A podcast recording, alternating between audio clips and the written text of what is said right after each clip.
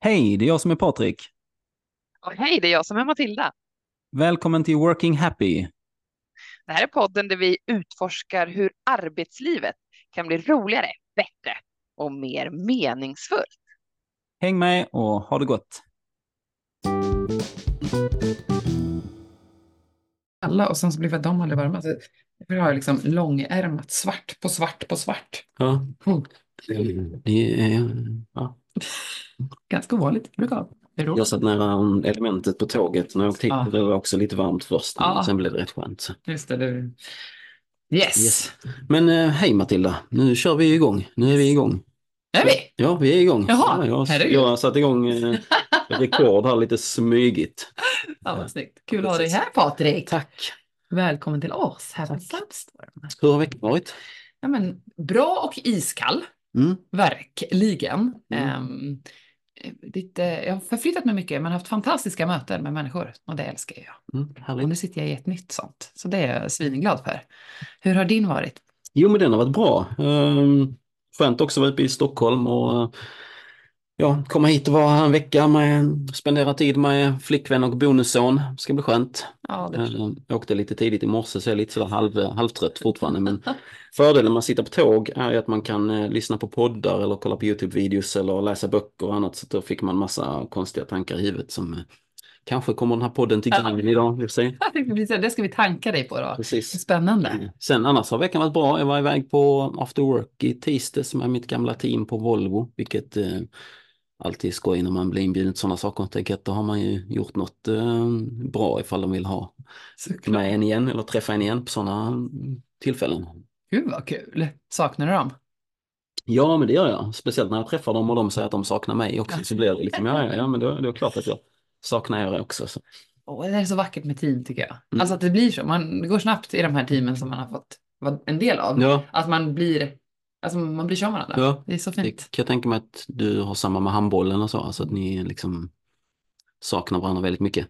Det är det som är häftigt och sen få gå in i en Scrum Master-roll Mm, och få skapa, försöka skapa det Mm. eh, hos team mm, och att få se det hända i näringslivet. Mm. Det tycker jag är lite häftigt att, och det går ganska snabbt. Mm. Så snyggt jobbat, kul! Men du, nu är det så här Ja, att vi har ju pratat drömarbetsplats förut. ja, Mm. Och idag tänkte jag att jag är ju supernyfiken, för vi tänkte okej nu, vet, nu vet vi hur min drömarbetsplats ser ut, nu vet vi hur Patriks drömarbetsplats ser ut, men personen då? Som ska vara på den här drömarbetsplatsen. Jag vill fokusera på dig Matilda. idag, Patrik. Okej, ja. ja, ja. Nej, strunt mig. Idag. Det Men vi- eh, jag vill prata om dig Patrik. Jag vill höra om dig. Jag vill förstå vem du är. Det kan vi absolut göra, men först så måste vi, eh, jag sa det till dig innan vi började spela in, att jag behöver prata med dig lite om din, eh, du var ju och snackade på eh, ledarskapslabbet som Ja. Karl Starendal här har. Och du pratade lite om, ja, ditt talk om, vad hette det, från Scrum Master till chef eller något Mm. liknande. Mm. Eller på den, det temat i alla fall. Och det var härligt att lyssna på, tycker jag. Och tycker att fler borde gå in. Vi får nästan lägga det i eh, show notesen till avsnittet så att fler kan komma in och kika på det. En sak som jag tänkt på. eh, Du sa att du inte var säker på om du hade tagit den rollen om det inte vore för den chefen som du har nu, din Mm. VD. Mm. Eh, Och så sa du att hon gör någonting som gör att du är så trygg med henne. Mm. Och jag undrar vad är det som gör, alltså vad, vad är det för beteende hos henne som gör att du kom in på det lite i samtalet, men om du skulle liksom få beskriva det igen, vad är det som hon gör som gör att du känner dig trygg? Ja, vad kul. Ja, men Sofia är ju fantastisk tycker jag på det sättet att hon, på massa olika sätt, Mm. men just det som har fått mig att känna mig trygg är att det finns en otroligt öppen dialog mellan oss två. Ehm, och hon har stor förståelse för mig på något vis. Och hennes sätt att, hon är väldigt olik från mig, hon är ju ett geni, jag är ju jag. Ehm, på det sättet att hon, så hon är professor, hon är väldigt så eh, akademiskt fantastisk Mm, och har en, en, en sån bakgrund och inom, ja, hon är supercool. Ehm, men hon har också en, vi möts också i massa olika eh, idrottsliga bakgrunder och sånt. Ja, ja. Ehm, och jag får alltid känslan av att när jag, när jag träffar henne och är med henne, att hon Mm. tycker jag är bra. Mm, mm. Och det är fantastiskt tycker Ja. jag. Ehm, svårt att säga exakt Vad det vad hon hon gör? gör. Ja, ja. Ja, ställer frågor, um, stryker under, håller med. ser otroligt intresserade ut när jag pratar. Eh, ser dig och liksom så här och bekräftar och de här sakerna liksom som man, ja. Ja, verkligen. Och sen så kan hon fånga upp saker ibland som jag tycker, jag har ju tre barn och Mm. hon har två barn och, och vi som, det är så väldigt enkelt att mötas i, eh, i den förståelsen för vad det betyder. Ja. Och hon är ju otroligt tydlig med att, att det är väldigt viktigt och att det är så otroligt okej. Mm. Och sen så är vi jätte, jättesynkade i att eh, vi brinner båda två för det här med alltså, jämställdhet och att Mm, kvinnor mm. ska få ta sin plats och ehm, är båda två väldigt så outspoken om det. Hon pratar ju jättemycket om det, en Mm. stor drivkraft för henne. Och, och att då få vara i den miljön där det är så naturligt Mm. eh, för henne att det är så, är jättekul. Eh, plus att hon är jätteöppen Ja. med mig, vi har fantastiska samtal. Mm. Så jag känner mig nära, Ja, det är härligt. kul. Du, jag ska bara pausa lite här eh, så ska vi testa en sak. Eh, Vänta lite. Så, då är vi tillbaka efter en liten teknisk eh, koll här. Det är bra om man kör en teknisk koll innan man kör igång istället för efter. Bara, Vi lär suttit oss ju så mycket Ja. hela tiden. Varit bra om vi, oj nu har vi suttit här och pratat i en timme, men inget av det kom med. Det är sån tur att vi har dig i den här podden, Patrik. Ja, och, och dig också, annars hade den blivit jävligt tråkig efter ett tag faktiskt. Eh, nej, men jag, jag tänkte på det som du sa också och sen så också en liten reflektion som jag har gjort några gånger och det var något samtal eller jag lyssnade på något eller läste något, jag vet inte varför, men just det här med att om man känner sig smart eller klok, alltså utifrån sig själv eller alltså Mm. om, du inte hade, om hon inte hade hållit med eh, kring vissa saker som du har sagt, och sånt, hade du fortfarande tyckt att det var en bra, liksom, alltså en bra åsikt eller en smart tanke eller åsikt? För det, är mycket lättare om man säger, åh nu tycker jag att jag är smart och så framför jag den här åsikten och sen så tycker alla andra i rummet att nej men det där var jätte, Mm. hur är du där? Är du bra på att liksom stå på dig och känna att nej men det här var faktiskt en bra eh, tanke eller dra det tillbaka och tänker att det här var dumt. Det var Nej, inte så alltså jag är ganska, jag har faktiskt utvecklat en förmåga att vara ganska snäll mot mig själv. Mm. Ehm, och med alla erfarenheter man har, jag har samlat på mig i livet från kanske lite större storbolag, Mm. ehm, där jag inte har känt mig så uppskattad, alltså alltid uppskattad som person av mina närmaste kollegor och så, men, Mm. men i själva organisationen, Mm. ehm, så där var det svårare. Mm. Här, här, vi håller absolut inte med och jag får definitivt inte göra allting som jag tycker Nej, borde nej. göra hela dagarna. Ehm, men, eller får och får. Ja. Ehm, men vi väljer inte alltid de vägarna.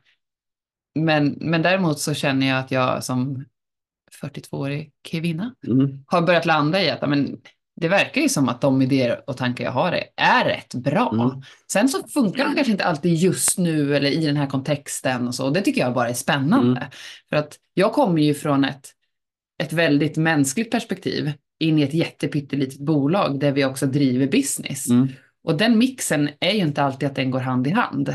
Eh, I alla fall inte, och, det viktigaste för mig är att vara snäll ungefär. Alltså Mm. det är som en, en grundläggande. Och, och det, det kan man vara på massa olika sätt, Ja. eh, även fast man driver business. Ja. Men, men man måste kanske prioritera ibland. Eh, man måste ta beslut Mm. som inte alltid känns bekväma. Och det tycker jag är, den, den mixen tycker jag är rätt kul Ja. spännande. För jag, jag har, tycker att det är utmanande. Mm. Då är det ju snällt där tänker jag att dels att man liksom själv tar så här okej nu ska jag ta ägandeskap för det här för det är snällt mot mig själv. Jag står upp och sen så gör det utifrån sina egna värderingar och också utifrån ett ärligt sätt att okej nu har vi tagit det här beslutet. Mm. Det ligger på mig, det är på min roll att framföra det här beslutet. Mm. Då är det jag, då ska jag framföra det här sakligt och konkret men ändå snällt och medmänskligt och empatiskt. Liksom. Precis så, exakt. Du sätter ord på alla de saker som jag försöker själv liksom leva i svåra samtal eller Mm. eh, sådär. För det em- empatiska för mig är otroligt viktigt. Det tycker jag är en Mm. otroligt viktig ledarskapsförmåga. Att kunna möta människor både när man själv ska leverera någonting som kanske inte är så kul, Mm. men också när man ska leverera någonting som Ja. är kul. Att man finns närvarande som Ja. individ. Och i det digitala landskapet är det ganska utmanande. Ja, det är, som, alltså det är samma som om man nu ska, om man faciliterar ett Mm. möte eller vad det nu kan vara, eller en workshop eller någonting. Så, så det är vi som, alltså facilitatorer som står för liksom containern och sen så deltagarna som stoppar saker där i.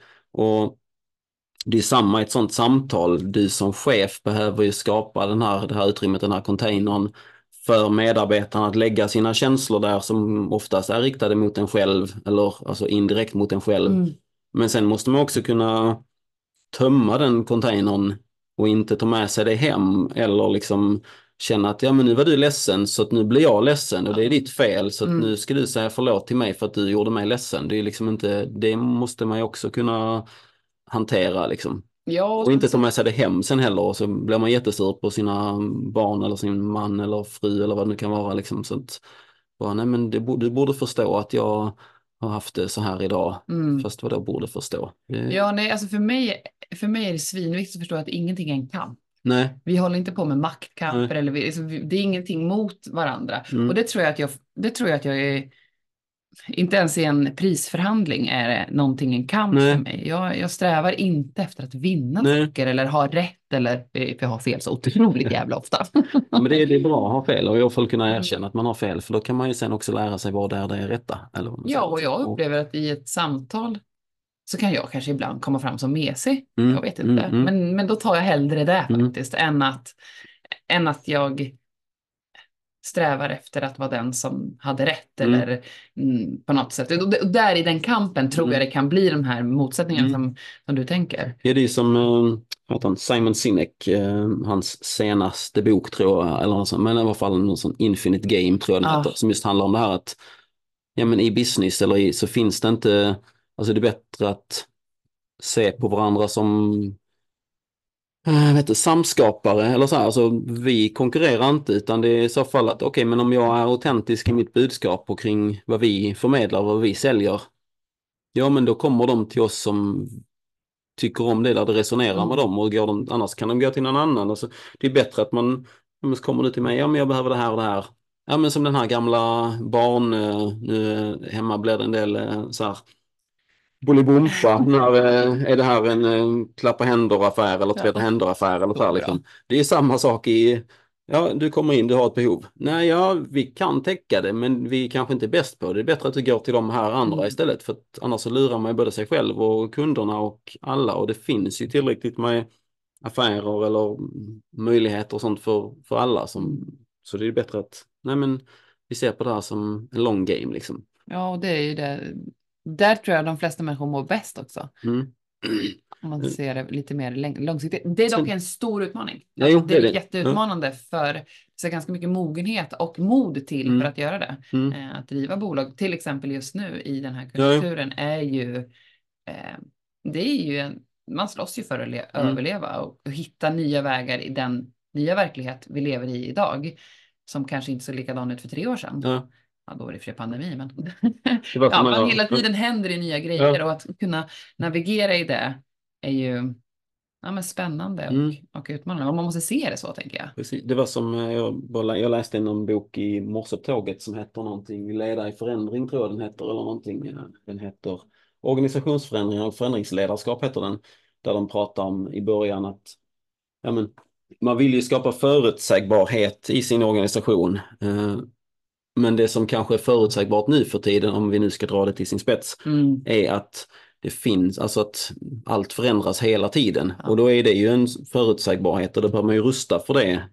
Istället för att, ja men så många både organisationer och om man tittar på lite större perspektiv och politiskt och länder och så här när man alltså det är ju lätt att vi i vår natur går tvärt emot. Bara, oh, nu bör- börjar det bli osäkert. Så istället för att Mm. rusta för att följa med i osäkerheten Mm.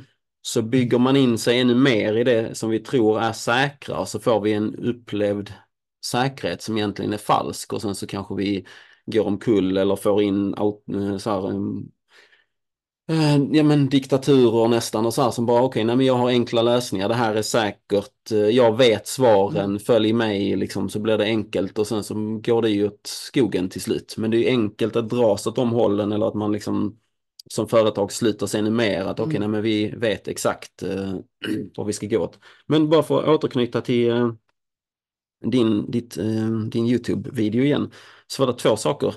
En sak som kanske är lite så här som jag kanske ska provocera dig lite med, Ja. eh, men eh, den första kan vi ta det här med skapa gemenskap och öka medarbetarskapet. Mm. För att det var också så här, jag lyssnade på en eh, podd på vägen hit, Nytt tänk tror jag den heter, och så var det ett avsnitt med Stefan Söderfjell, en forskare, väldigt intressant, kan folk lyssna på tycker jag. Oh, det ska vi på. Nytt tänkande. Avsnitt 33 Mm. kan man börja med. Men i varje fall där pratar de om ja, men så här ledarskapsutbildningar. Det finns, eh, alltså, det finns ju väldigt, väldigt, väldigt många fler ledarskapsutbildningar än det finns medarbetarutbildningar. Och det är ju en väldigt, alltså, det är en väldigt stor faktor av ledarskapet, medarbetarskap. Hur gör vi så att det blir ett bra medarbetarskap? Och också hur, hur lär ledarskapet sig vad medarbetarskapet behöver för att vara ett bra ledarskap. Mm. Alltså det behövs ju en liksom, dynamik där. Men sen är det väl som de sa också, det kan också vara så lätt att det är lättare att få en chef att gå en hel dag på en utbildning eller någonting. Det är svårare att eh, ja, men nu stänger vi ner den här avdelningen på sjukhuset för nu ska de som jobbar, medarbetarna på en utbildning, så nu blir det tyvärr ingen eh, utbi- eller nu blir det tyvärr ingen vård på den här eh, veckan. Liksom. Så det blir lite svårare. Men hur, alltså, hur gör du för att skapa gemenskap och liksom öka medarbetarskapet för dina anställda eller för de som jobbar tillsammans med dig? Ja, det här är superspännande, för jag har precis ramlat in egentligen i den här medlemskapsidén. idén. Mm. Eh, eller alltså den har ju alltid funnits och Mm. den är alltid intressant. Men jag har också funderat jättemycket på ledarskap och tycker att det ligger så otroligt mycket på ledaren och så vidare och så vidare. Men så har jag börjat titta längre bak i min egen historia Mm. eh, och funderat ganska mycket på så här, vad ger framgång, vilka grupper har Mm. fungerat bäst. Um, och där ser jag ju att, att medar, alltså ledarskapet är så viktigt. Alltså Mm. det är ju som ett fundament. Men jag ser också att de gånger som den största förändringen och största stegen har Mm. tagits i min, både min handbollskarriär men också rent ehm, eh, professionellt, Mm. eh, vad heter det, näringslivsaktigt. Ja. Det är ju när individer i grupper Mm. tar sitt eget ansvar. Ehm, och där tror jag att man som ledare har ett stort ansvar att låta folk Mm. göra det. Oh. Men jag älskar ju, för nu har jag börjat eh, intressera mig extremt mycket för psykologisk trygghet också. Och det är så spännande med Amy Edmond som pratar om att jag som individ har ett eget ansvar. Mm. Jag kan komma in i en grupp Mm. och öka den psykologiska tryggheten genom det sättet jag är Mm. på. Utan att jag är ledare, Mm. utan att jag är den. Och då blir jag, då är jag ju supernyfiken. Okej, kan vi träna oss i medarbetarskap? Jag tänker att om kommer man från idrotten och har, har varit i lag väldigt mycket i, i, i sitt liv, så blir det ganska naturligt att man tränas i att vara med, medspelare. Eh, Medan i den verkliga världen, eller om man spelat i band eller man har sjungit i kör, och, men man tänker inte riktigt på sig själv på det sättet. Eh, och det tycker jag är så spännande för att det är lätt att vara medarbetare och tycka, det har jag själv gjort så många gånger i mitt liv, och, och man har också rätt att göra det, men att chefen, ledaren, Mm. va, den kan inte och den gör Mm. det och det är så. Och så glömmer man kanske bort att det är också bara en individ Mm. som gör sitt bästa. Mm. Vill inte vara elak eller dum, men Mm. har kanske inte större kapacitet än, än det här. Men att jag som medarbetare också tar, tar mitt ansvar på massa olika sätt. Sen Mm. så är det en, en dans. Mm. Jag menar i toxic miljöer har du ingen chans, då ska du därifrån. Mm. Men det finns ändå väldigt många miljöer, tror jag, där det är helt okej. Mm. Och där du som medarbetare kan göra otroligt stor skillnad bara genom att Ja, vara trygg. Fråga chefen, hur mår du? Hur är läget ja, med dig? man kan i alla fall skapa ett, liksom, ett öppna, lite öppnare klimat. Man kanske inte kan påverka helt eh, liksom, exakt allt, men man kan alltid göra det bättre för en själv och säkert för någon annan. Som den här gamla storyn om eh, ja, någon man som går på stranden och så ser han någon som slänger i så här sjöstjärnor i havet och så är det jättemånga hundratals sjöstjärnor som ligger på stranden och så bara varför slänger du i dem? Det spelar inte någon roll. Jo, för den, just den här sjöstjärnan som jag håller i handen så, Ja, så spelar det roll. Liksom. Att, Ja, att man gör det lite Ja. mindre, det tycker jag är superspännande. Jag tycker Mm. att det är så mycket mer, det var ju en fantastisk eh, metafor av dig, Patrik. Men att man gör det mycket den är mer... inte min, jag har snott den från Ja, någon. men du berättar för mig. Ja, ja. Um, menar alltså att man gör det på, för det jag vill skapa, det är ju Mm. påverkbarhet. Jag vill känna Mm. att jag som person, jag vill Mm. att människor omkring mig ska känna att de kan påverka sig själva Mm. och sin egen miljö. Mm. Jag kan inte påverka allting i hela Nej. världen, men som munkarna säger, jag kan påverka mig själv Mm. och jag kan se till att de omkring mig får en bra upplevelse av mig. Ja. Och då har jag gjort mitt bästa. Jag kan inte stoppa alla krig i världen. Nej. Jag kan inte se till att eh, eh, hungern eh, stillas. Men jag kan vara så snäll jag kan mot Patrik som jag träffar Ja. varje dag.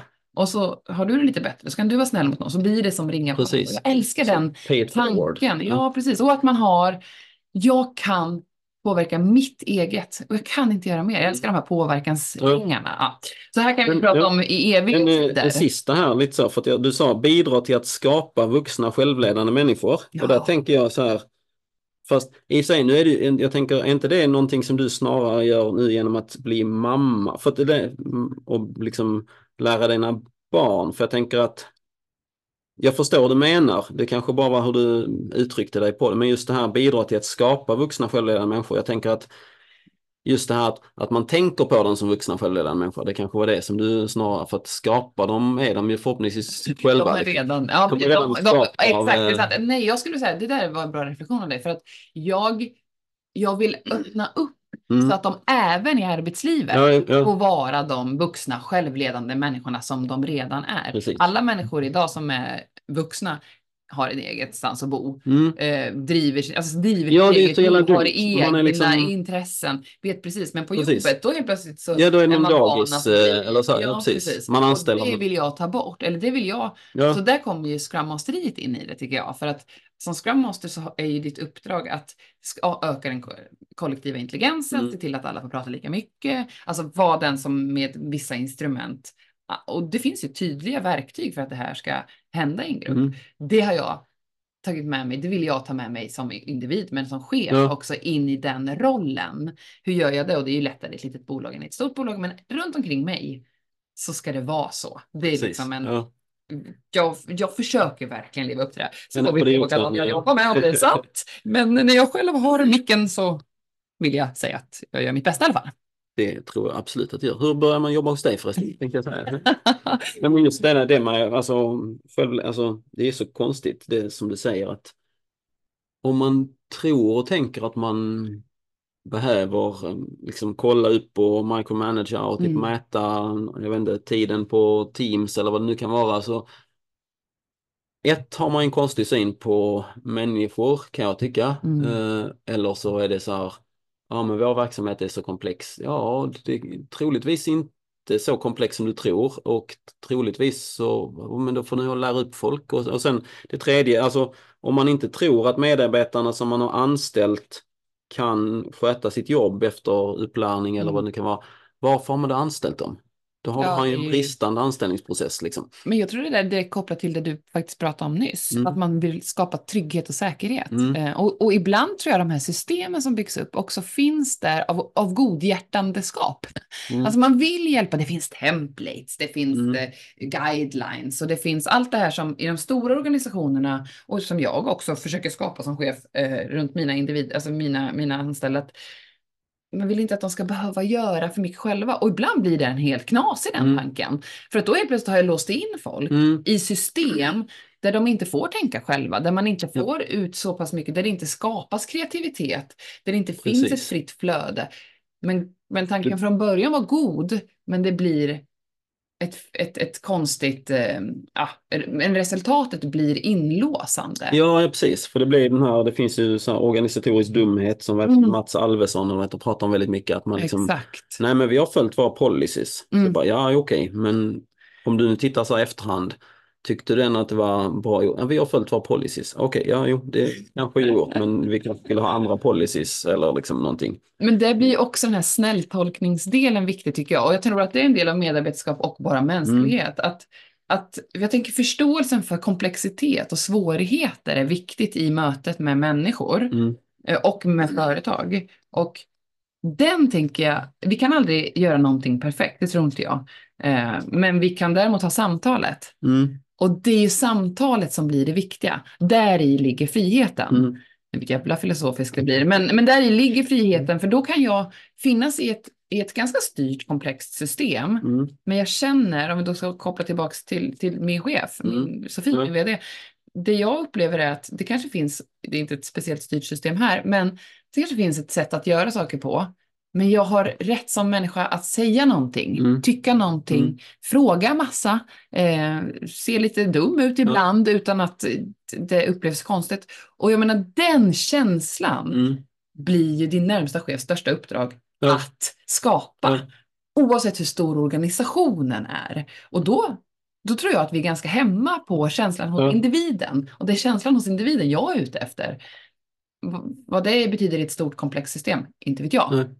Men att skapa, ah, Ja. gud. Men sen, det- som jag tänkte på, eh, på det som jag hittade, eller så, jag kollade på en YouTube-video på tal om det här med eh, ja, men rigida um, policies eller liksom andra saker. Så var det, det var någon Youtube-video i morse på tåget om så här. Det var någon tåg, som, Patrik. precis, det var någon som uh, gnällde på agile eller så här, det var någon som hade problem med det. Mm. Uh, hade vissa valid, valid points och vissa så här.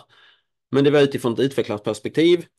Och så, men det som han pratade om först och som jag blev lite så här spann vidare på, det var ja, men hur man gjorde förr. Man typ, du brände, jag vet inte, Microsoft Encyclopedia eller någonting på en CD och så skickar man ut det till kunden och fanns det en bugg så ja men okej, då löser vi kanske det i nästa års... eh. Jag tänker alltså, så det är många organisationer som gör idag också fortfarande, även fast man kanske jobbar iterativt och här Mm. med, med mjukvaran, alltså i produkterna, så jobbar man inte iterativt med mjukvaran i organisationen. Det är det man borde göra. Har man en policies, eller en policy, så borde man ju se den som liksom, okej den här kanske kan itereras på, eller liksom den, den, Mm, kanske, den kanske funkade för eh, fem år sedan, eller kanske funkade vid något annat tillfälle när vi gjorde så här, så här men nu, fun- nu är den bara idiotisk. Mm. Nu får vi antingen ta bort den eller uppdatera den och att man då som medarbetare vet att man har det mandatet. Och det krävs ju också en tydlig, tydlig och stark riktning. Okej, vad är det vi ska göra? Vi ska uppnå det här värdet eller Mm. vi ska göra det här. Okej, gör jag det bäst genom att följa den här policyn som är skriven 2012? Eller gör jag det exempelvis här, men i policyn så står det att vi ska bara ha face to face säljmöten liksom. Ja, då kan man ju åka länder riket runt eller så kan man tänka, ah, okej, den skrevs när vi inte använde, då fanns Skype Ja, typ. Fanns det något annat? Knappt. MS. MSN kanske, jag kommer inte ihåg. Man, men eh, då kan man också uppdatera den till att tänka att okej, Mm. fast nu för tiden så är det ju mycket mer tidseffektivt och bättre att kanske köra Zoom-möten. Då gör vi det istället, men vi öppnar samma sak. Istället för att, okej det står här i policydokumentet att jag ska sätta mig i min bil och köra runt hela landet och ha möten. Då gör jag det. Det är där mitt tips om att aldrig läsa policies kom in. Sen är det också, det här blir en liten annan utsvävning, men just jag börjar tänka på så här kund, alltså anledning till att, ja men han pratade om just utifrån eh, mjukvara så kom han in på Gira och så tyckte han liksom att Gira funkar inte för honom som utvecklare. Och då tänker jag, jag börjar tänka på så här, ja men julklappar och annat så här när man kund kontra användare. Ibland är det samma sak, ibland är det inte samma sak, Mm. men oftast är det kunden som sitter på pengarna. Mm. Men man måste ju också tänka på, okej, men hur, hur funkar det här för användaren? För att om inte användaren är nöjd med produkten, då spelar det inte någon roll om kunden är nöjd, för att då kommer man troligtvis inte gå tillbaka till den säljaren, liksom. Nej, Den där, tjänsten, eller vad det nu kan vara. ja, det där är ju så, så komplext också när vi, när vi ska trycka ner de typerna av system Mm. över människor Mm. som ska hjälpa till att eh, projektleda ett, eh, ett eh, projekt. Eller Gira används ju väldigt ofta i, i Scrum-team och så, alltså följa upp arbete och skapa något system. Ja, men Dra ut Och- massa rapporter. och igen, igen, det blir ju igen, hur ska jag säga, jag tänker den här snälltolkningen av saker och ting vi håller på med. Vi gör ju saker för att vi tror att det är ganska bra. Mm. Ehm, och, och det kommer ju bli så att för vissa, ibland funkar det inte alls och för vissa funkar det lite bättre. Och ehm, en del, alltså jag tänker att den, för mig funkar det minsann inte. Nej, Mm. nej, nej, det kanske det inte gör, men alltså att man inte blir för tuff heller i sin, jag har själv själv på Ira, jag har själv på DevOps, jag har, Mm, mm. jag, jag, jag har svårt för Excel, men jag fattar att det finns fördelar och att man ska... Ah, Finns det att man verkligen fördelar med Excel? Då får vi ta ett annat avsnitt, Ja, jag. Nej. Gud, det fanns, det, saker och ting blir fyrkantiga och det, man ser saker. Nej, jag, ska, Jag får till och med jag- utslag bara ni har pratat om Excel. Jo, men jag tänker, men det finns ju de människorna som verkligen funkar där. Och då tänker jag att den typen av inställning Mm. behövs egentligen. Ja. Sen väldigt ofta för att, det inte, för att man inte ska klaga på saker i onödan. Det här klageriet blir ju, jag är där jämt själv, och man, det finns en förändringsbenägenhet i det, men det finns också så mycket destruktivitet i, i det Mm. eh, som hindrar, tror jag, förmågan att göra fel, Mm. förmågan att lära sig av det man, om, man, om det blir för mycket gnäll, då blir det liksom Ja, då, då, då, då, det är inte bra för den psykologiska tryggheten och det är Nej. inte en bra miljö. Alltså, nu säger inte jag att man gnäller, men ja, jag, det var det som kom till mitt huvud där. Ehm, Du, Mm. nu har vi pratat länge, eh, men sen, jag hade gärna fortsatt prata om det här för att det som du vill att vi skulle prata om är lite eh, utmanande och sådär för mig. Men, det är därför du aldrig slutar prata Ja, här. precis. Eh, Men du ville prata om något annat? Ja, för nu om man då tar den här kopplingen medarbetarskap. Ja. Och jag har ju haft förmånen att få vara din eh, kollega. Mm. Det tycker jag är svinkul. Mm. Eh, och det var en, det, att vi sitter här idag är ju för att vi en gång var kollegor. Precis. Och jag vägrar släppa dig som kollega. Så att därför startar vi en podd ihop, så jag får fortsätta vara din kollega. Precis. Men därför är jag supernyfiken på, nu när ditt liv förändras Mm. eh, och nya kollegor kan få förmånen någon gång här framåt i tiden att få bli din kollega, då skulle jag vilja dissekera lite. Oj, Så att de redan innan kan få höra på det här avsnittet. vad bekväm jag känner mig. Ja, jag förstår det. Ja, du, du, jag berättar för dig att Patrik sitter och vrider på sig, men jag kommer ju vara väldigt snäll. Mm. Men jag är lite nyfiken, Patrik, utifrån det här perspektivet. Vi har pratat drömarbetsplats förut, Mm. men idag vill jag prata, prata Patrik på en arbetsplats. Mm. Vem är du där? Ja, bra fråga. Ehm, hur tänk, alltså, eh, tänker du, ja, alltså hur är jag som medarbetare eller tänker du på vilka kompetenser har jag? Först och främst liksom, vill jag höra hur du liksom, hur kliver du in på en arbetsplats? Vem är du som person och medarbetare där? Vad är viktigt för dig där? Alltså det beror på vilken roll, men generellt så skulle jag säga, alltså Ja men jag, är, jag kan ju, jag, i början är jag nog lite avvaktande när det kommer till liksom, eh, eller det, om, vi, om vi skiljer på det, eh, om vi skiljer på den sociala biten och den liksom mer vad exakt är det vi ska göra här biten. Mm. Så i det sociala så är jag nog den som liksom går och hälsar och ja, men försöker knyta kontakter och liksom ja, skapa det här sociala sammanhanget. Eh, som i det vad vi ska göra så är jag nog en person som ja, men, kollar först, okej vad, hur gör vi här, vad gör vi för någonting och sen så är den här eh, jobbiga som ställer massa frågor och så här och liksom vad är det för värde som ska uppnås och varför gör vi så här och hur kommer det sig att vi gör så här och liksom sådana här bitar, lite nyfikenhet och kanske ibland också utifrån ett, men det där var ju ett dumt sätt. Och sen så ibland så visar det sig att ja, men det finns en jättebra valid anledning till, valid, är det ett svenskt ord? Nu får det bli det, Valid. valid. Ja. Eh, liksom. Ja, nu får det bli ett svenskt ord i alla fall. En eh, anledning till varför man gör saker på ett visst sätt och ibland så kan det vara det här att ja, men vi gjorde så för 15 år sedan när det Mm. fortfarande var ett bra sätt att göra saker på och sen så har vi inte reflekterat över det och så fortsätter vi göra så. Även fast man kan göra det på ett annat sätt. Till, Men jag är, alltså det är lite som, om man ska koppla det till Scrum Master, eh, har en kompis som jobbade på ett eh, stort eh, svenskt företag eh, som finns i Göteborg bland annat. Eh, I varje fall han mm, berättar för mig hur mycket han hatade sin Scrum Master. Eh, Stackars Scrum Master. Ja, jag vet inte. Eller ja, men vi får se. Men eh, det var så, så bara, okej, men varför, varför då? Liksom? Ja, nej, men han bara kom in här, för han tog över från någon annan och så kom han in och så tänkte han att nej, men han, han kunde allt och han lyssnade inte och han liksom bara, nej men så här ska vi göra, för det säger Scrum-guiden eller för Mm. det säger bla bla bla och så skulle man göra och sen var det någonting som min kompis då inte kunde göra och så bara fast enligt Gira så står det här att den ska vara klar idag. Så bara, jo, fast som jag säger till dig så går inte det på grund av det här och det här. Okej, fast enligt deadlinen här i IRA så står det att det ska vara klart idag. Så, Alltså, det blir, det blir ju den. Och där är jag väl också, jag har en, eller en kompis eller en bekant som pratar väldigt mycket om så här beginners mindset. Just att man kommer in och tänker att, "Ja, ja, även fast jag har gjort det här någon gång innan så kan jag nog inte det här för att här kanske man gör det på ett annat sätt. Mm. Liksom.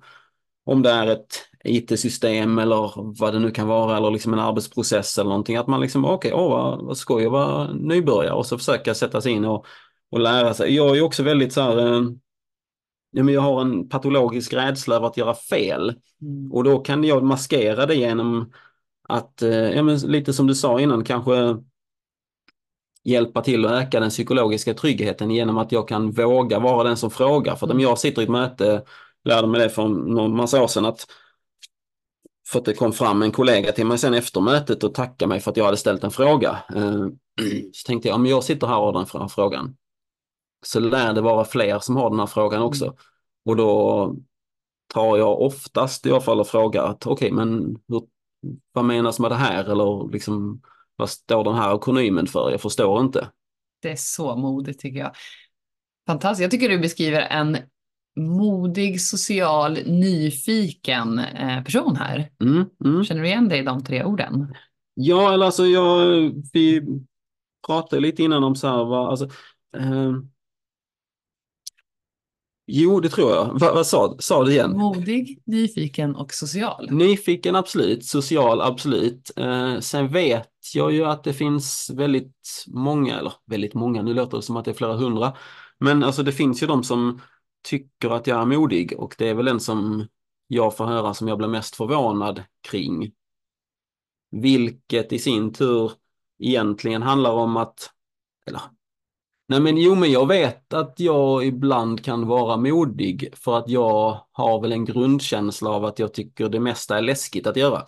Mm. Och därför och att vara modig handlar ju om att okej okay, det här är skitläskigt men jag gör det ändå. Ja men det handlar ju också om att ta ansvar som du precis beskriver. Att Jo ta, men det är ju svinläskigt att ställa den frågan, att Mm. våga ställa den. Eller som, ja men jag har en eh, vad heter, lampa hemma som är sån här Tror du en sån barnlampa eller sån här som man kan köpa i barnbutiker, massa bokstäver och så är den belyst bakifrån så kan man skriva lite allt möjligt. Och på min står det Slayer Dragons. För, då, för mig så innebär det, de här drakarna är allt det här som känns lite jobbigt i magen. Mm. Om det så är, eh, det var något, för något år sedan så hoppade jag på eh, vad heter, det, improvisationsteater. Jag Ja. tänkte shit, det här, låter, det här är ju svinläskigt, klart jag måste göra det. Mm. Och alla andra, för det är också så, det expanderar ju också ens så här comfort zone Mm. om man tar ett litet steg ut. Om man då har en trygghet i botten, alltså om man har en trygghet hemma eller liksom, så kan man ju expandera. Anledningen till att jag tycker om att vara ute och springa i snö och regn exempelvis Mm. är ju för att jag vet ju att jag har ett varmt och tryggt hem att komma Mm. tillbaka till. Hade jag inte haft det hade jag, så hade jag ju inte tyckt att det var lika skoj på samma sätt. Att man kan utmana sig liksom på andra områden för att man vet att man har någonting tryggt och säkert att komma tillbaka. Precis som, ja, men, som har barn och så här som ja, men, ute och ser sig omkring och så blir det lite läskigt så kryper man tillbaka till mamma eller pappa, liksom den primära anknytningspartnern. Liksom, så. Ja, det är så fint. Så får man ladda där och så Ja. vågar man en gång till. Ja, Det och det är ju det är, det är jätte, alltså, det är ett jättenaturligt steg. Gud vad fint. Vad, vad fint du beskriver det. Och nu, nu beskriver jag dig med några Mm. ord som jag både hör dig prata Mm. om men också känner igen dig som. Mm. Eh, det är precis det som, som, så som jag uppfattar dig. Men när du, när du nu lägger ut texten om dig själv här, vad är du mest stolt över? Oj, dels att jag är snäll, tror jag. Mm. Eh, och sen min självinsikt. Eh, sen jag har några berättelser som jag tänkte jag ska som exempel på, eller så, som är vad jag är stolt över. Men jag tänkte, för jag tänkte på det, vad min själv, alltså jag är väldigt reflekterande och har väldigt mycket självinsikt, alltså känner mig själv väldigt bra, vilket beror på Ja, men så här, jag kommer ihåg första gången, som, nu blir det här väldigt så här privat eller personligt, men jag brukar inte ha några problem med det. Och det är än så länge inte så många som lyssnar på den här podden heller. Så, eh, nej men eh, jag kommer ihåg första gången som jag eh, var på väg till psykakuten. Efter ett, som tur är, misslyckat så här, självmordsförsök. Eh, och då, tror det var första gången i alla fall, men jag kände liksom så här, just det här att oj, men jag är inte, alltså, för då, då hade jag en, detta var rätt länge sedan, så då var det inte lika vanligt att prata om psykisk ohälsa och sådana saker, utan då kände jag att oj, men jag är inte s- sjuk liksom. Alltså jag är jag mm, så här, ja men alltså, de som åkte in till Mm. psyket, det var ju liksom knäppskallar liksom. Mm. Alltså, eh, så gammal är jag, tänkte jag säga. Och, och jag kände inte igen mig i den biten heller, men tack vare mina, jag vet inte, nästan 20 år i terapi tänkte jag säga inte riktigt, men så har jag ändå en, först i tvång, eller av tvång, att man träffar liksom läkare och liksom psykologer genom vården, Mm. men sen genom att ha gått till det själv, för att jag, man har någon som rotar i ens huvud och man pratar med den personen och den får en att lära känna sig själv. Så via det så har jag ändå förstått och fått igång mitt liksom resonemang och hur jag resonerar i huvudet och, liksom, och ja, men fått en väldigt bra bild av vem jag själv är och Mm. varför jag agerar i vissa situationer och liksom, ja, men om man kommer in i en relation så liksom, okej, den här situationen kändes jobbig för mig. Varför då? Ja, det är inte på grund av min partner som sitter bredvid, utan det är på grund av att det här och det här har hänt i en tidigare relation eller det här har hänt i en annan relation eller liksom om man stöter på någonting i eh, yrkeslivet där är det också, ja men det här störde jag mig på. Ja men det är nog inte den här personen. För det första, i varje fall som jag har märkt, de flesta människor som jag initialt, initialt stör mig på på en arbetsplats, Mm. det är de som är väldigt lika de egenskaperna som jag inte är så stolt över hos mig själv. Ja, just det. De som har de egenskaperna. Ja, de som har, de som är rätt lika mig men där deras kanske fokus är på de eh, egenskaperna, eller där jag ser de egenskaperna som, oh men den personen har också den här egenskapen att den pratar väldigt, väldigt mycket. Mm. Så, Det är vi sitter här. precis. ja. Eh, det, var, ja, nej, det vad som jag är mest stolt över är faktiskt, eh, allra mest stolt över är nog faktiskt en privat grej. Eh, när kan detta ha varit? 2019, 2020 någonting?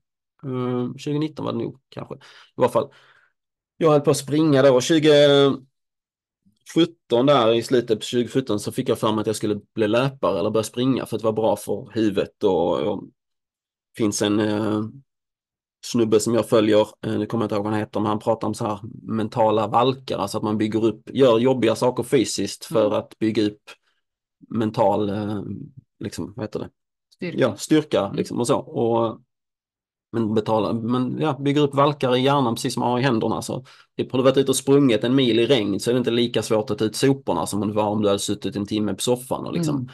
Mm. Eh, men så då började jag göra det och eh, ja, på sprang en massa och så här och sprang så här ultralopp och sånt. Jag, ja, det gick rätt så snabbt min karriär. Sen gick det rätt så snabbt ner för sen också för jag skadade mig. Jag är inte direkt den som håller på med 50 procent. Jag kör antingen 100 procent eller noll. Men så var det sommaren där så kände jag att ah, men nu är jag i bra form. Eh, skulle ner till Helsingborg, min hemstad, och köra ett lopp eh, tillsammans med min bror och hans fru. Det var min bror som hade föreslagit och han hade väl inte sprungit på, jag vet inte hur många år som helst. Eh, och vi skulle springa det tillsammans. Tänkte jag, men så hade vi tränat tillsammans. Jag tror inte, han hade väl inte tränat så jättemycket men ja, så stod vi där på startlinjen och jag pratade och min tanke från början var att jag skulle springa ja, men springa mitt race liksom. Köra, okej det var en platt bana, det var på kvällen, det var skönt väder. Perfekt för att sätta ett personligt rekord i, Mm. på fem kilometer. Så pratade jag med min bror lite innan och bara du, tänk på liksom så här att hur sakta den springer, se till att springa hela tiden. För det är mycket jobbigare att börja springa igen när man, väl, när man har liksom börjat gå. Mm. Så, och så hängde jag med honom en bit i början och så coachade och peppade hade mig och sånt. Men sen, och sen så slutade det med att jag sprang hela loppet tillsammans med honom. Och coachade och peppade och hjälpte honom runt liksom. Och eh, det var väl ja, första fem kilometerna han sprungit på minst tio år tror jag. Ja, och, sådär. och det var superhärligt och han hade, sa någonting efter liksom om att han inte hade kunnat göra det men inte jag hade hängt med liksom. Och det var väl det som jag är mest stolt över i mitt liv tror jag. Ja, gud vad Faktiskt. fint. Men det där säger ju den historien och Mm. att vara mest stolt över den säger väldigt mycket om dig som person, tänker jag. Och också den roll som du kan tänkas ha i Mm. ett, i ett arbetsliv. Vad tänker du om den tanken? Jo, men det gör, alltså det är ju roligare att, eh, alltså, det är roligare att se andra lyckas, tycker jag, än, än själv. Alltså det är ju liksom roligare att peppa och hjälpa andra och, ja men det är väl det här behovet som de flesta av oss har i alla fall, att känna sig eh, behövd. Mm. Man behöver en, att man kan hjälpa någon och om jag tittar tillbaka på min eh, karriär så har ju allting egentligen handlat om att hjälpa folk och det är väl likadant som hade någon annan story från eh, också som också är väldigt stolt över egentligen två stycken i samma roll egentligen som jobbcoach. En gång så var det en man som kom in och liksom ja men han var väldigt cynisk och väldigt så här ja men jag har varit på sån här innan, han har varit arbetslös rätt länge, var lite till åren kommen och jag var mer så här, ja men det är väl jättebra att du är ärlig i början liksom, alltså att du egentligen inte vill sitta här liksom, för ju, jag behöver ju att du är ärlig och jag är ärlig mot dig så annars, annars så kan vi bara kasta bort de här timmarna. Mm. Och sen efter ett halvår när hans tid hos oss var klar, så vi hade tyvärr inte lyckats hitta något jobb, men han, han tackade mig för att jag hade sett honom. Mm. Och det var ändå liksom något som, ja men jag bara, ah, vad, alltså, för det hade han sagt innan, det var en liksom grej som han påpekat, ja men där får man bara sitta anonym deltagare någonstans och sitta i ett hörn liksom, eller vad det nu kan vara, ingen som ser, ingen som bryr sig, men han tackade att jag hade sett honom. Och likadant en annan man som jag träffade som via, ja så här, jag han var supersmart professor eh, så här, och grejer, men hade också svårt för ett jobb för han var professor i ett väldigt, väldigt smalt område. Och så föreslog jag att ja, men du, kan, du har inte funderat på att börja jobba som tolk. Jag vet att det liksom fattas väldigt många tolkar inom just dina språk. Och sen träffade jag på honom ett år senare. Och liksom jag bara, oh, han känner jag igen. Och så kom det upp någon man till mig och bara tackade för att jag hade hjälpt honom hitta det. Och då hade han jobbat i tre år liksom i, Ja. som tolk och han trivdes jätte, jättebra och bara, åh, tack för att du hjälpte mig. Och, liksom, och det var ju också så här, fan vad gött det känns att hjälpa folk. Liksom. Ja, gud vad fint och vilka, vilka fantastiska historier. Och skulle du säga då att när, när, när du har varit i den här positionen Mm. och din framtida roll som du kommer ha många gånger på, i arbetslivet, men vad blir man utsatt för när man har dig som ledare eller medarbetare? Hur, Mm. blir man, hur blir man patrikifierad? Eh, En bra fråga. Eh, nej, jag tänkte på, eh, jag var på någon eh, föreläsning eller frukostföreläsning förra veckan tror jag. Just, jag är ju runt på det mesta och försöker lära mig. Det är så roligt att gå på massa olika saker. Så det var det någon föreläsning i, i Göteborg om var någon designbyrå eller sånt som hade någon frukostföreläsning om så här, eh, designgrafin, tror jag det hette. Och så, hur ser man att en produkt kommer från Sony exempelvis? Mm. Vilka detaljer är det som... Så det börjar jag tänka lite på, okej vad, är det, vad är mina sådana grafen? Alltså vad är mina, liksom, hur vet man att man har... Vad kännetecknas Patriks ledarskap av? Och eh, ja men då är det väl eh, det här att man känner sig sedd och bekräftad. Mm. Förhoppningsvis, eh, tänker jag. jag Det är din ambition. Ja, Mm. och eh, Ja, alltså jag har tillit till folk. Det är liksom, jag, har, jag gjorde något sånt här eh, Big Five-test igår. Eh, ett, om så här personlighetstest. Och just det här med att man... Ja, men jag, jag skulle säga att jag litar på folk Mm. från början. Liksom. Det är inte så att oh, men du måste förtjäna min Mm. tillit. Utan, ja, och sen att man vet var vi är på väg också. Alltså det är tydligt, liksom, vi, vi ska hitåt. Sen förhoppningsvis så eh, är det ett empatiskt och snällt ledarskap Mm. som är mer ja, men, hjälpsamt. Alltså en, en chef är ju till för sina medarbetare, inte tvärtom. Mm.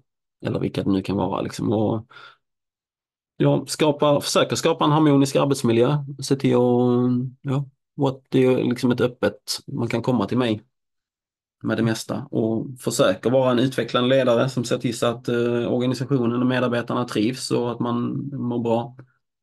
Mm. Men just att man känner sig sedd tror jag. Eller jag vet väl det, det är väl folk som har sagt det till mig så Mm. jag får väl säga att jo men det, det är det ju och liksom empatiskt att man förstår. Sen är det också alltså det finns ju det är som du sa innan, det finns ju, all, det finns ju fortfarande ett jobb som behöver bli utfört. Mm. Men det behöver ju inte gå ut över empatin eller vad det nu kan vara. Liksom. Utan först och främst är vi människor som är tillsammans och som ska utföra någonting som vi tycker är värdefullt. Mm. Och då är det bättre att göra det på ett empatiskt och snällt och trevligt sätt än att peka med hela handen eller vad det nu kan vara. Det är väl en av fördelarna och nackdelarna tänker jag som Scrum Master. Alltså, du har ju ingen formell makt. Har du formell makt så tycker jag att men vissa tenderar att bli lite lata i sitt ledarskap för Mm. att man litar sig för mycket åt den formella makten. Så bara, varför ska vi göra det? Ja, men för att jag har sagt det. Liksom. Alltså, eller annars Som får du sparken. Eller, men som, som Scrum Master eller vad det nu kan, eller vilken ledare som helst utan formell makt så måste man använda sig av sitt, ja, men sitt självledarskap, sin, eh, sitt föredöme och liksom vara någon form av Ja, jag fick något eh, omdöme att jag var en inspirerande och genuin ledare nu på senaste, eh, ja när jag var mitt senaste uppdrag. Och att med ett stort hjärta, det är väl sådana saker som bara, åh vad, vad skönt. Alltså det är härligt att man får sådana komplimanger eller sådana vitsord liksom. Ja, verkligen. Det är fantastiskt. Det ligger helt i linje med vad, vad du pratar om. Mm. Men för att kunna vara den här personen mm, så behöver du också vara i en miljö där du får komma till din rätt. mm. Vad för typ av ledarskap behöver du? Oh, bra fråga. Eh, ja men jag, det är väl samma sak där egentligen. Att alltså ett tydligt, alltså ett tydligt och tryggt ledarskap skulle jag säga. Alltså jag är ju, ja men som vi pratade om innan, just det här med att Och det är väl också det om man återknyter till mitt, nu hoppar jag tillbaka lite, mitt ledarskap Mm. utifrån egentligen att, alltså, att jag har mått dåligt eller så här och sen också i, när jag var yngre så hade jag så här, ja men just det här med att göra fel. Jag har lämnat arbetsplatser när jag var yngre och, men som tur var så jobbade jag som kock. Och, och då var man oftast timanställd så det gjorde ingenting, alltså små, små smak, saker som gjorde att jag trodde ju först att det var något fel på mig innan jag förstod att jag hade ångestproblematik Ja, liksom. det. Och det är också, och men med det så är jag ändå en, ja, jag förstår att en person oftast vill, alltså att många sitter med så här imposter syndrome eller liksom rädsla för att göra fel eller man liksom, ja men om man då skapar den här tryggheten att okej, ja men det är okej att göra fel, det är okej att fråga, eh, det är okej att fråga för många gånger till en början med innan man vet exakt vad det är man ska göra. Det är liksom, det är okej att gå fram till stupet och kika ner för att där har jag försökt bygga ett staket eller ett skyddsstängsel liksom, så att det är okej att titta över kanten och sen, nej men hit kan jag gå fram flera gånger liksom. Mm. Så till slut så behöver man kanske inte staketet längre utan då kan man ta på sig en sån här flygdräkt och kasta sig ut för stupet eller något sånt istället. Liksom, så. Och just det här med, det finns något som heter det fundamentala attributionsfelet. Vill bara få med det. Ja, Eh, det är ju, eh, vet du vad det är? Nej, berätta. Ja men det är ju det här att man, om jag då ser att min, eh, ja, min karriär eller det jag har åstadkommit i livet, det består ju till största delen på grund av mig Mm. och eh, mina kompetenser, mina egenskaper och så, inte på tur eller på omgivningen eller något sånt. Så det är jag, bara. Mm.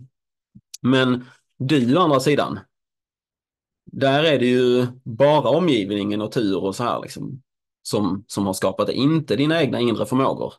Så det är liksom någonting som de flesta, både organisationer och människor, alltså att man Just. tänker så liksom. Så att man är medveten om det, Mm. att okej men det är mix av båda, både för mig och för alla andra liksom. Vissa har mer tur, vissa har mindre tur, men alla har ju liksom, det är väl också det här att, också ett sidospår, men var det inte, vad heter det? Ja, det var någon gammal skid, Ingmar Stenmark kanske eller någonting så här, ja men ju mer jag tränar desto mer tur har jag. Ja. Så här, men Det är det är just också det här att när man väl får en chans, när någon vill få, vill- får en chans, ja men då gäller det att man har tränat tillräckligt mycket så att man liksom kan ta den chansen. Mm.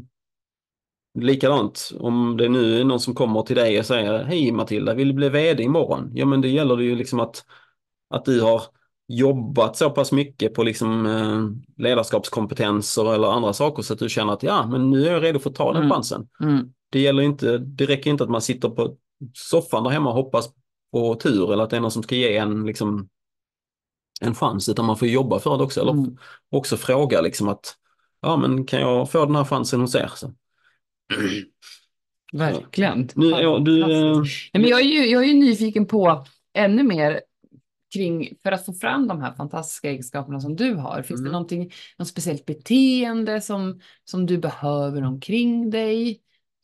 Ja, alltså, ja men alltså det här trygga, um, alltså att det är okej att man gör fel. Jag hade en chef för ett tag sedan som var liksom så väldigt, hon var väldigt trygg och hon var väldigt så här, ja men det gjorde inte någonting om man gjorde fel, för hon gjorde också fel själv. Mm. Och- Men Det, det, det är lite ute, finns det något konkret?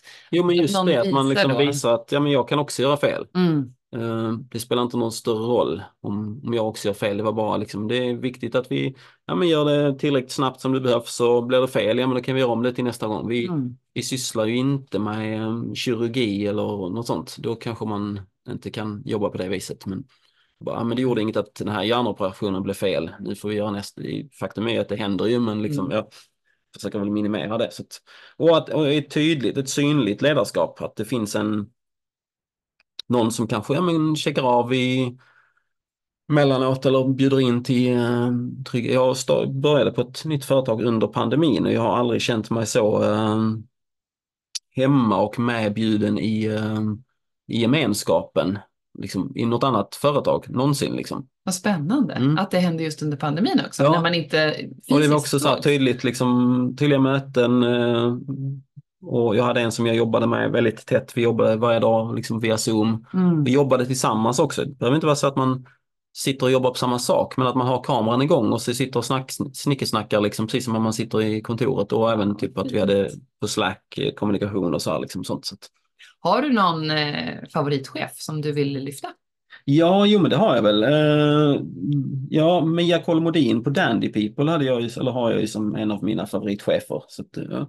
Hon det- en role model för dig? Skulle du... Ja, jo det skulle jag säga i Mm. mitt eh, så, ledarskap. Visst.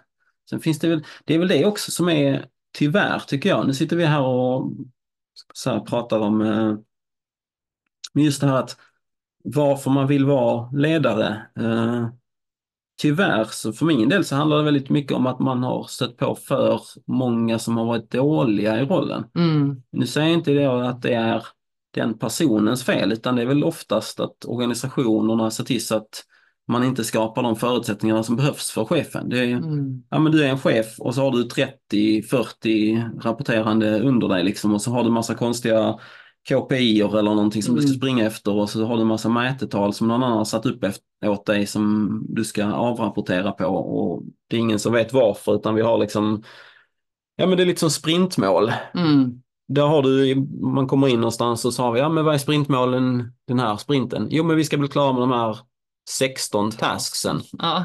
Så bara nej det är inte ett, och så, det är inte ett sprintmål. Och så kommer man till någon organisation och så bara, ja men vad är, vad är viktigt? Vad är liksom strategiskt viktigt för er det här kvartalet? Eller? Mm. Ja men vi har de här 17 KPI-erna som alla är viktiga. Jag bara, fast va, vänta lite, va, Mm. nej, vilket är viktigast? Ja men det ser du här, var du inte med på presentationen och lyssnade liksom, det är de här 17 key points, eh, bullet eh, point, eh, någonting, bla bla bla. Och så först, nej men det, det är lite som i marknadsföringsvärlden världen, när jag höll på med det. Just det här med att om man är till för alla så är man inte till för någon. Mm. Det är liksom... Prioriteringslöst blir ingenting. Nej, precis. Man kan ju, okej, vi riktar oss mot de här. Ja, men vi ska bli den bästa chihuahua-klippningsstudion i stan eller något. Men kommer det in någon som äger en golden retriever så ja, men då fixar vi den också. Men Mm. vi är ju primärt för chihuahuor liksom. Ja, gud vad spännande. Det tycker jag är kul nu. För det här kommer jag nu till min sista fråga. Mm, Som är, vilka av dina styrkor mm. vill du använda dig mest av i din kommande roll? Oj, eh, vilken bra fråga. Vilka styrkor tänkte jag säga, men det ska jag inte göra. Eh, Jag tänker liksom två, Ja. stycken som du säger, det här Mm. vill jag använda mig av. De är viktiga för mig att få, få leva i. Ja men alltså coaching skillsen, Mm. eh, för det är ändå något som jag har hållit på med länge. Jag tycker att jag är bra som coach också. Oj vad märkligt säger det. Underbart! Jag, Bra, det tycker jag också. jag eh, ja, sitter här och förhäver sig själv på det här Ja. viset. Eh, nej men coaching skillsen och även alltså förstå behov är väl Ja men alltså, ja, det, jag är rätt så bra på att förstå liksom, ja men förändringsbehov hos människor. Mm. Och, just, och även, ja men så här, det funkar inte att ha en utbildning på en dag om vi ska förändra någonting för att kom, sen kommer du tillbaka till organisationen och då kommer du att gå tillbaka på en Mm. vecka så kommer du att glömt bort Mm. de här nya sätten du skulle jobba på. Eh, ja, men ut, jag tycker om att hålla utbildningar, eh, workshops och hjälpa folk att lära sig saker. Det är roligt. Och liksom, ja, men kund, kundfokus. Eh, nu vet jag inte om det är en kompetens men Jo, det tror jag absolut att det utifrån, är. alltså, Det är inte så lätt att ha. Utifrån min eh, bakgrund som kock Mm. är det liksom, eh, ja men där var det alltid kundfokus. Det var liksom, det spelar inte någon roll. Jag, jag blir aldrig stressad nu för tiden förresten, alltså så i andra, utan där var det ju, där kunde man inte gå och ta en fika mitt i allt, utan nej men nu kör vi här i åtta timmar, Mm. tolv timmar eller vad det är. För, och sen så kan man fika, men nu så, det, man har ju oftast inte någonting som är så bråttom så att man inte kan gå och ta en kopp kaffe när man känner att fy fan vad jag är stressad. Ja, Utan- det är underbart. men just, det var, jag har en liten story, om vi hinner med det, på kundfokus som jag tycker är rätt så... eh, Jag jobbade i Mölle för massa år sedan. Det var jag och en tjej som var i servisen, jag var i köket. Eh, Det var på hösten, vi hade inte jättemycket gäster, vi hade typ 50 gäster som skulle ha varsin femrätters. Så det var ändå rätt mycket tallrikar som skulle ut, men allting var ju förberett och det var liksom bara, ja. Men så kom, så kom första bordet ner och de satte sig, de fick sin första rätt och eh, sen kom servitrisen ut i, i köket eller i disken liksom och så bröt hon ihop och blev ledsen och liksom alltså verkligen, jag vet inte vad som hade hänt, det hade hänt någonting liksom, som det kan göra.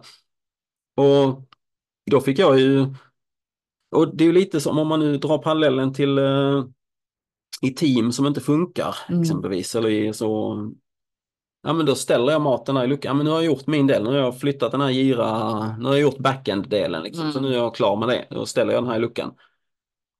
Men det gör ingen nytta där utan det ska ut till kund. Så då fick jag ju, först fick jag ju gå och prata med min kollega. Liksom, hur är det med dig? Vad, liksom, behöver du något? Och liksom fick lite vatten och sådana saker. Och liksom, bara, ja, men ta det lugnt, jag fixar det här. Mm.